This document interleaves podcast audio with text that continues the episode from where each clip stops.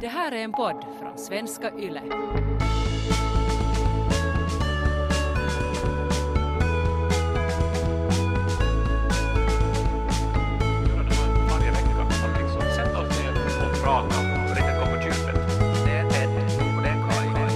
Välkomna till Ted och Kaj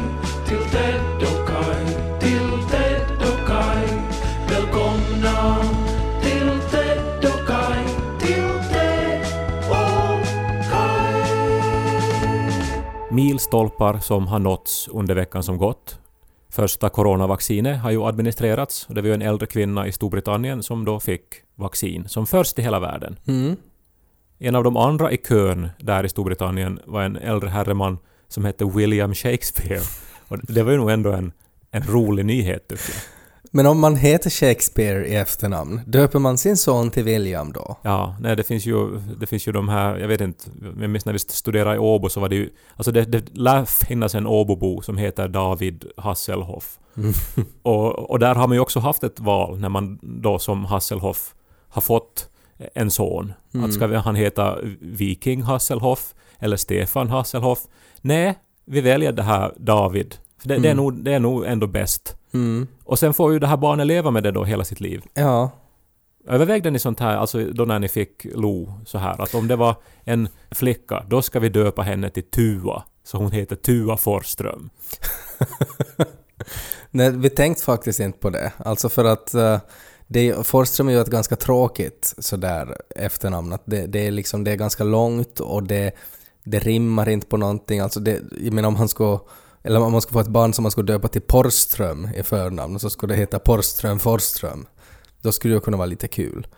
Men, eh, men jag har faktiskt inte tänkt på den här Tuva-aspekten. Påstås ju också att det finns ett eh, syskonpar som heter Laine i efternamn och det är då alltså Viking och Silja.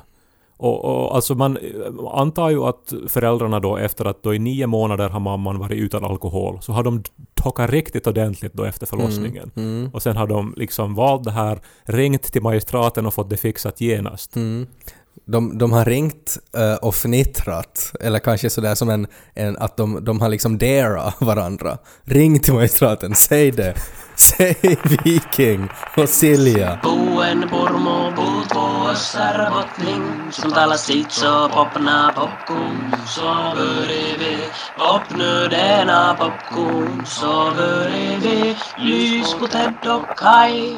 En annan milstolpe är att Ted och Kais omklädningsrum passerade 4000 medlemmar. Ja, det är ju helt otroligt. Alltså det är ju, om man pratar om Ted och Kais omklädningsrum så, det består ju av ni lyssnare, men att det är ju inte bara ni vanliga lyssnare, utan att man kan ju faktiskt dela in människor som lyssnar på den här podden som, som sämre lyssnare och deluxe-lyssnare. Och deluxe-lyssnare är ju sådana som också är med i Ted och Kais omklädningsrum på Facebook. Ja, eller det är väl också, alltså jag minns då när DVDn kom, så då f- fick man ju det här extra materialet. Och om man var en fan av en film eller av en skådis eller regissör så då ville man ju åt det här extra materialet. Och då först så kunde man ju räkna sig då som en riktig eh, fan då. Liksom när, man, när man såg då på de här 30 timmarna bakom kulisserna på Seinfeld.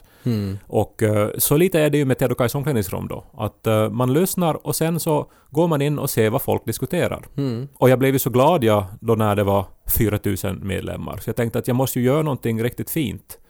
Så jag då uh, övade in då ett pianostycke. Jag höll på alltså flera dagar då, eh, ett sånt här stycke som jag vet att lyssnarna eh, gillar. Och eh, jag uh, har då spelat in det här eh, med min telefon och tänkt att det här ska jag då posta så att lyssnarna får, får det här då till sin glädje.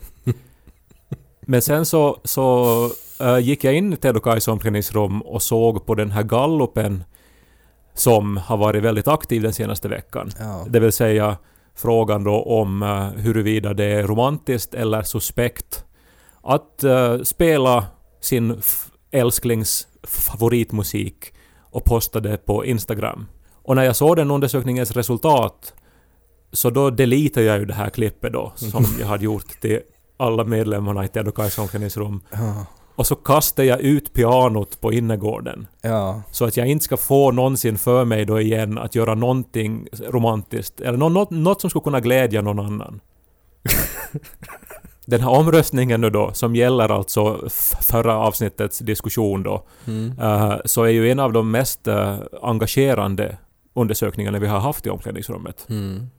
Och jag gjorde lite statistik här igår. Det är alltså 909 människor som då har tagit ställning. Det är ju ett så stort sample alltså så att man faktiskt kan ju d- komma fram till resultat utgående från det här tycker jag. Ja, alltså jag tror att liksom att Statistikcentralen ska godkänna och ac- acceptera då de saker man kan utläsa från det här. Mm. Frågeställningen var ju då alltså att eh, om man i smyg övar in ett pianostycke till sin älskling när man är borta i tre veckor och postar det här på Instagram eh, med en hälsning till sin älskling. Är det här då romantiskt eller är det suspekt och att det borde älsklingen också förstå och bli arg? Och det är alltså då av dessa 909 människor så tycker 59 procent, alltså mer än hälften, att det är suspekt och att älsklingen borde bli arg. Jag håller ju med. Jag, jag, jag, jag har ju röstat i den kategorin jag också, men det, det behöver vi inte gå in på. Men, men ja, maj- majoriteten tycker som jag alltså i den här frågan. Men jag är på riktigt, och, och, och Nico också, Al- alltså vi har liksom med förvåningens finger i häpnadens mun sett den här procenten liksom bli större och större. Mm. Och, och liksom känt liksom en hel cocktail av känslor. Mm. Alltså överraskning, och sen också sån här oro för mänskligheten. Och förstås en besvikelse också. Tror du att, eh, att det kändes eh, ungefär likadant som Trump när han började se resultatet och började se mot vilket, vilket håll det skulle få? Ja, no, jag skulle ju hemskt gärna börja förneka det här resultatet och liksom skylla det på allt möjligt. Mm. Men att eh, jag, jag ändå accepterar ju, alltså om det är någonting som inte ljuger så är det ju siffror. Jag jo- gjorde nu då lite undersökningar utgående från det man kunde utläsa från statistiken. Mm. Av de här 4000 medlemmarna i Tedokais omklädningsrum så är det ungefär 50-50 män och kvinnor. Vilket ju är roligt. Ja, Men av de 538 personer som nu då har kruxat i alternativet suspekt och att älsklingen borde bli arg, så är alltså 42,8 procent kvinnor och 57,2 procent män. Mm. Av de som har valt att det är romantiskt så är 80 procent kvinnor. Och eh, överlag om man ser då på, eh, på liksom, inte på det totala antalet röster utan då man liksom utgår från mäns och kvinnors åsikter så tycker alltså 56 procent av kvinnorna att det var romantiskt det som jag gjorde. Mm. Medan bara 19 procent av männen tyckte att det var romantiskt det som jag gjorde. Mm. Jag tycker det är otroligt intressant det här. Ja, men vi var ju lite inne på det här senast också. Att jag tror ju att, att för många män, och nu kanske generaliserar jag nu då om, om heterosexuella män, så blir man också provocerad av tanken av att någon gör någonting sådär ultraromantiskt. När man inser att man själv är så pass hämmad att man inte är kapabel till att ens komma på idén till en sån där sak. Ehm, och då röstar man Uh, liksom för att man är arg så röstar man att nej det där var nog, det, det där var nog inte bra. För att det får en själv att framstå som dålig om det där skulle på något sätt vara, vara normen plötsligt. Ja, no, det är ju helt eh, nog en bra point att det, det går ju inte utgående från det vi vet om medlemmarna i Tedokais omklädningsrum att veta om de är heterosexuella, homosexuella eller hur de definierar sig. Och eventuellt så är ju det någonting som spelar in där. Mm. Men jag utgår ändå från att, de, att, att, att medlemmarna på något vis representerar samhället i stort och att då den övervägande majoriteten är heterosexuella. Ja, Och, och jag tycker då att man utgående från de här resultaten då kan formulera då eh, the state of heterosexuality. För så här är det nu då. Alltså de som har röstat på den här suspekt-kategorin eh, så det, det, det består ju då främst av cyniska människor och, och visar ju då att i den kategorin så är män, är män och kvinnor ungefär lika negativa. Männen aningen mer. Men av de som mår illa av att visa kärlek så är typ både männen och kvinnorna lika olyckliga. Eh, Den här som har röstat på romantikkategorin, så då, det, det antar man ju då att består av människor med lekfulla själar, varma, hoppfulla, kärlekstörstande, levande människor. Och här är ju kvinnorna då i förkrossande majoritet.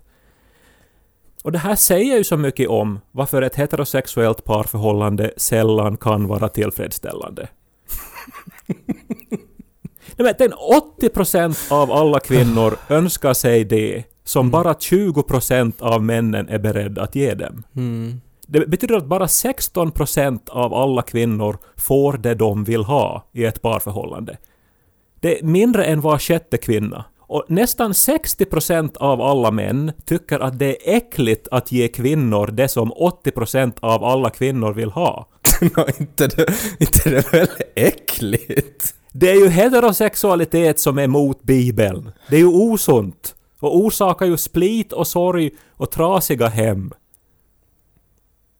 Jag tror ju att många röstar också på det där suspekt, alltså för att det var ju väldigt speciellt formulerad också den här frågan. Eh, och att man kunde kanske läsa lite mellan raderna där också. Eh, Nu är det ju du som är Trump här nu. Och börjar komma med bortförklaringar. Nej men jag bara tänker, jag, jag bara liksom att man borde kanske beakta det också, att jag tror att många kanske röstar också på det där för att, att de blev provocerade av hur du hade skrivit det. Eh, och så röstar man där på, liksom på motsatsen till, till, till vad man kunde ana att du ville att man skulle rösta. Men jag håller med, men så där, så där är det ju i samhället. Uh, om man generaliserar. Jag tror ju att de allra flesta män har inte en aning om vad de ska kunna erbjuda det som kvinnor verkligen vill ha.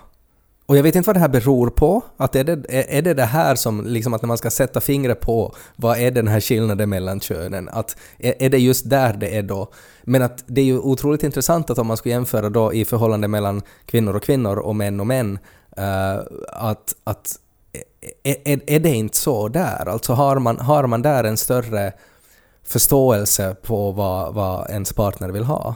Man skulle kanske kunna anta att det skulle vara så. Svaret är ju ja, och jag tycker det är ju förstås så. Både när det gäller romantik, när det gäller sex, när det gäller vardag. Så är ju ett samkönat förhållande på alla sätt överlägset. Och nu har vi siffror på det också. Det kommer ju också andra små intressanta saker som man kunde utläsa från statistiken här. Exempelvis då att Jakob Norrgård i, i humorgruppen Kai hade röstat för att det var suspekt, medan Axel Åman från humorgruppen Kai hade röstat på att det var romantiskt.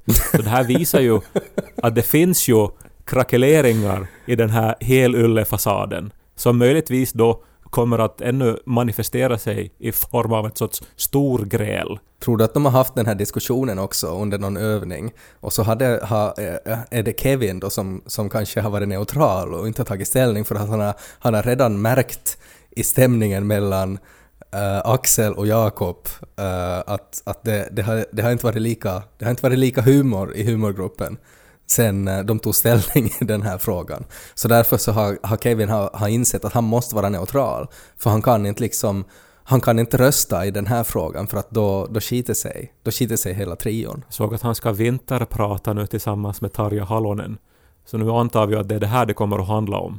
Hans fruktlösa försök att medla mellan cynikern Jakob och romantikern Axel.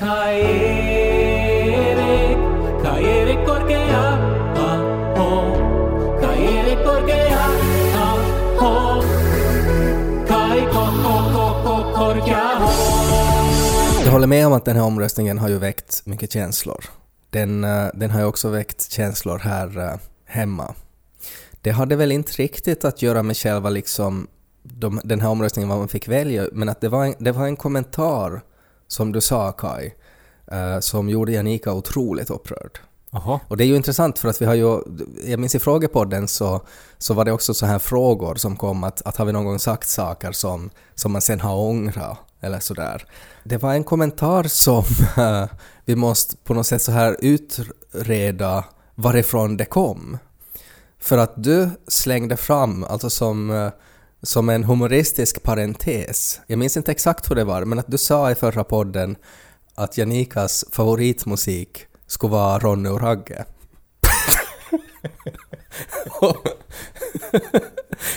det här har väckt otroligt mycket känslor. Alltså många, många analyssessioner varifrån det där kom. Eh, också en rädsla av att associeras till Ronny och Ragge. Eh, och, och, och på något sätt att, att, att är, det, är det något sånt hon utstrålar?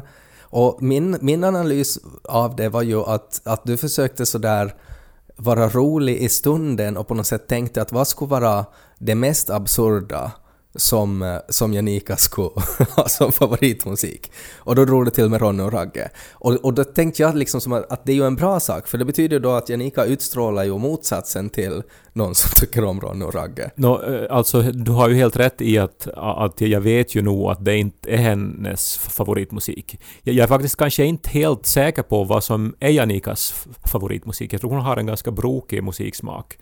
Eh, men jag tror att min tanke i ögonblicket gick till Pargas, för hon är ju därifrån. Ja. Och att jag tänker mig att en genomsnittlig Pargasbo älskar Ronny och Ragge. Av någon anledning.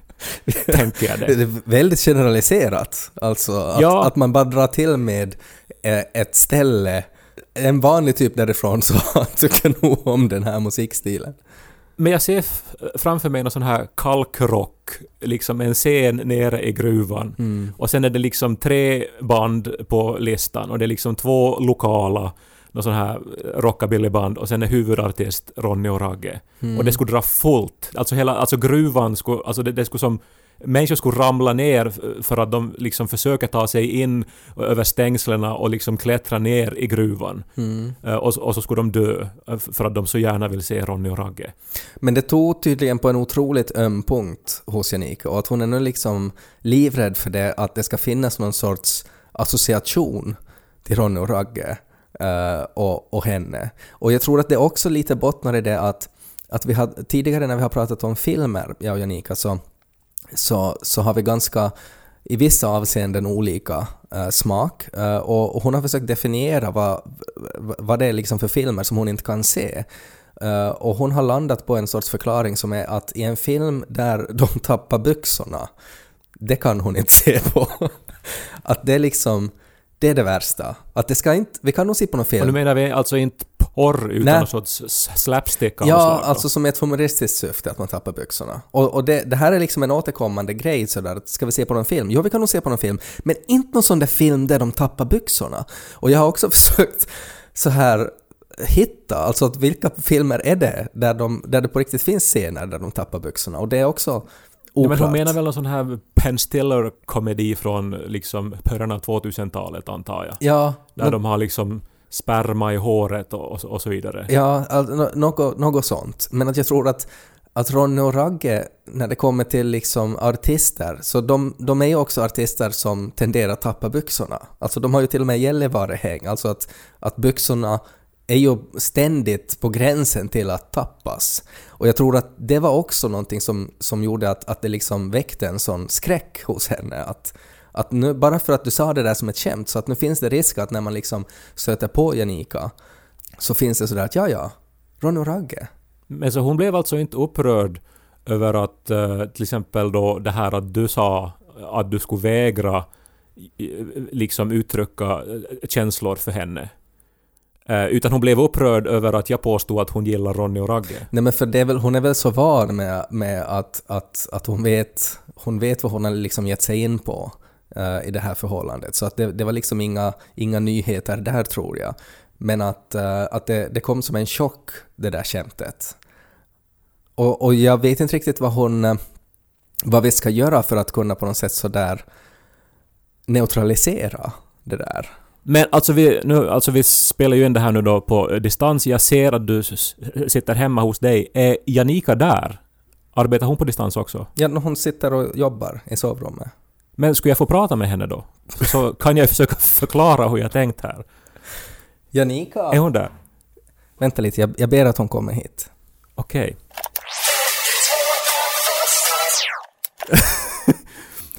Hej Anika! Hej. Va- Vad kul att se dig länge sen. Jag har ju varit borta på Gotland och så här. Hur är läget? Nå, är det helt, helt bra. Jag noterar ju att du hade inte röstat i den här omröstningen i Tedokais omklädningsrum på romantiskt eller suspekt. Nej, det är så att jag fick inte. Ja, För att jag skulle ha röstat på ditt. så Ted försökt manipulera statistiken här, kan vi säga. I princip, ja. Men intressant, för jag menar du är ju också kvinna då, så du skulle ju bara ha bidragit då till det här eh, överväldigande majoriteten då av kvinnor som då har ansett att det här var romantiskt. Uh, men, men ja, det var inte det jag skulle eh, prata med dig om, för jag hörde då att du, du hade blivit sårad för att jag påstod att du kanske gillar Ronny och Ragge. Ja, Det var ju hemskt. Men har jag inte rätt i att eh, du hade väl en sån här rockabilly-period? Nej men typ i gymnasiet eller något sånt här. Va? Nej men du hade så här liksom jeansjacka och sånt, var det inte så? Nej. Och gilla... Ronny och Ragge. Det har något sånt, alltså är det inte nästan så att alla från Pargas i något skede gillar Ronny och Ragge? du, du, du har skakat på huvudet. Här, jag, alltså jag, jag kan omöjligt tro att jag är helt ute och cyklar. Men, men, men en annan sak, alltså om det skulle vara så att Ted skulle vara då på någon arbetsresa någonstans, kanske i Vasa, och så skulle han plötsligt publicera ett klipp riktat till dig där han spelar Rara söta Anna. Eventuellt skulle han ha skrivit om texten på något sätt. Alltså det är ju en av Ronny och Ragges mest kända låtar. Det att du ens behöver förklara åt mig att det är en av Ronny och Ragges mest kända låtar, så det redan säger ju någonting. Men skulle du inte då bli, bli glad? Nej. Nej! Tänk dig nu Ted som har lärt sig sin första låt på piano och så sjunger han den till dig. Lite så här säkert taffligt kanske han skulle sjunga men... Du gör det ju bara värre. Vad är det som... Vad är det som får dig att tro att Ted också skulle koppla mig till Ronny och Ragge? Nu vänder det ju dit till det att han också ser den kopplingen. Nej, men Jag tänker vilken låt man än spelar så skulle det väl vara romantiskt. Det är väl gränsen där att Ronny och Ragge är inte romantiskt. Ronan Keating då? Jag är lite osäker nu hur jag ska knyta ihop det här och liksom på något vis återställa förtroendet mellan oss. Men det här jag sa om Ronny och Ragge så, så, så var ju nog förstås så här eh, menat då som en motvikt då till att jag spelar då japansk filmmusik. Uh, och också på något vis att jag associerar till Pargas. Och att jag tänkte att där tycker man om Ronny och Ragge. Men, men jag kan väl då här för julfridens skull och för att jag ju då helt uppenbart hade fel så be om ursäkt för att jag sa så här. Och meddela alla poddlyssnare, som ju nog redan vet det nu då, men att Janika tycker inte om Ronny och Ragge. Tack. Tack Janika. Nu vet du hur det känns när man som man inte kan göra en kvinna nöjd.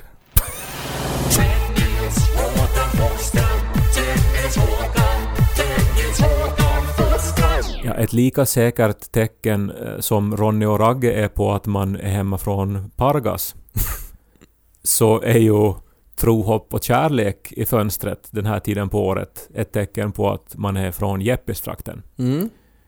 Vi har ju tro, hopp och kärlek i fönstret, alltså de här tre symbolerna, som säkert de flesta som lyssnar känner till. Alltså ett kors, ett ankare och ett hjärta. Mm. Det är ju Jakobstads symboler. Ja. Eh, har du det hemma hos dig? Nej, jag har, jag har inte... Jag skulle vilja... Jag minns att jag har tidigare pratat om att jag skulle hellre vilja ha Tor, hopp och kärlek. Alltså jag skulle vilja ha Tors hammare istället för tro.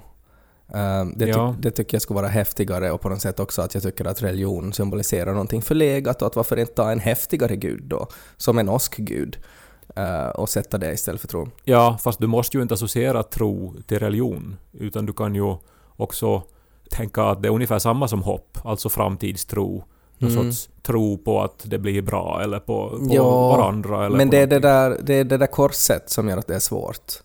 Jag skulle vilja ha liksom airfryer, chips och kärlek. Så du skulle hänga alltså dina köksapparater i fönstret på jul Nej, men det skulle vara och lysa upp dem. Det skulle vara totalt idiotiskt. Förstås så skulle man ju ha gjort någon sorts så här schablon, eller vad det heter, med så här tunt trä och, och, och så här fint färgat papper. En airfryer. Nå, jag tycker bara det finns, eh, här skulle finnas en otrolig nisch på den finlandssvenska marknaden att göra custom made tro, hopp och kärlek där man får byta ut. Alltså att det finns, man säger en serie med tre symboler som lyser rött och det är bara att plugga in i väggen. Men man får välja vad de här tre symbolerna ska vara. men jul handlar ju om traditioner och det ska vara samma år efter år, så där tror jag att det här då skulle lite eh, liksom inte fungera för det skulle bli mer då som en vits än en tradition. Mm. Samtidigt som man också skapar nya traditioner hela tiden. Det har blivit så uppenbart eh, med, med Lo, tycker jag, att, att vi hela tiden, för varje år som går så är det sådär, nej men nu, den här traditionen så skapar vi nu. Och så börjar vi ha sånt. Alltså att vi, man äter gröt på den dagen kring jul och så vidare. Det är bara att då måste ni ju komma ihåg det också till Mm. nästa år. Annars så blir det ju kaos och förstörd jul. Nej men det är det som är så bra med barn, för de kommer ihåg. För då säger de att nu ska vi göra så här och så är man så här aj, aj jo, ja det borde vi göra. Men i alla fall, nu den här tiden på året då när man gör promenader runt om i stan. Jag sitter ju nu i karantän fortfarande efter att jag var i Visby och eh, har ju då inte möjlighet att, att gå någonstans egentligen. Eh, men vi gör promenader, jag och Niko, då, för det är den enda möjligheten för mig då att vara ute. Eh, och då går vi omkring här i Ulrikasborg där vi bor och eh, i Rödbergen och, eh, och så ser man ju då och då de här tro, hopp och kärlek i fönstren. Och så vet man att där bor en Jeppisbo. Men jag har märkt också att ju äldre jag blir, desto mer förbannad blir jag när jag ser att det finns tro, hopp och kärlek i någon sån här riktigt fin lägenhet. En sån här stor jugend liksom fönster. Ja, Och, eh, och så ser man då att där satan bor någon jävla Jeppis bor då i en så här fin lägenhet då. från samma ställe i princip som du är från, men som är betydligt mer förmögen. Vad har den gjort då för att förtjäna de där kvadratmetrarna och de där spröjsade fönstren? Mm. Det allra värsta var liksom när vi var i Brunnsparken, som ju alltså är den dyraste stadsdelen i stan och den dyraste stadsdelen i hela landet, måste man väl anta. Mm. Och jättefint, alltså det är ju, det är ju nästan bara då ambassader så här, men några också liksom villor och egnahemshus. Och där då i typ den här finaste, största, vackraste jugendvillan högst upp på backen. Så tror du inte då att där på högsta våningen i det största fönstret så fanns tro, hopp och kärlek? Mm. Och dagen var ju förstörd för mig och Niko. Att de täcks, skyltar med sånt där. Och att man sätter sin tillit då till tron, hoppet och kärleken när man uppenbarligen har miljoner på banken. Det är ju hyckleri på hög nivå. Ja, de borde ju bara hänga upp pengar i fönstret. Med en, en lampa som skulle lysa upp dem. För att liksom vrida om kniven då. Visa att ja, ni ser att vi har pengar, här är pengarna. Ja, de skulle kunna ha ett litet så här änglaspel, så där med ljus som snurrar runt. Och så ska, så ska det vara pengar som snurrar runt och som också brinner upp samtidigt som de där ljusen. Men hädanefter får man ju då också lyssna då efter ljudledtrådar då. Att om man hör Ronny och Ragge när man går på stan så vet man då att där bor en Pargasbo. Och om man då hör att det då från någon så här lyxvilla då hörs tonerna av Rara söta Anna så får man svära då över att någon jävla Pargasbo har råd att bo där.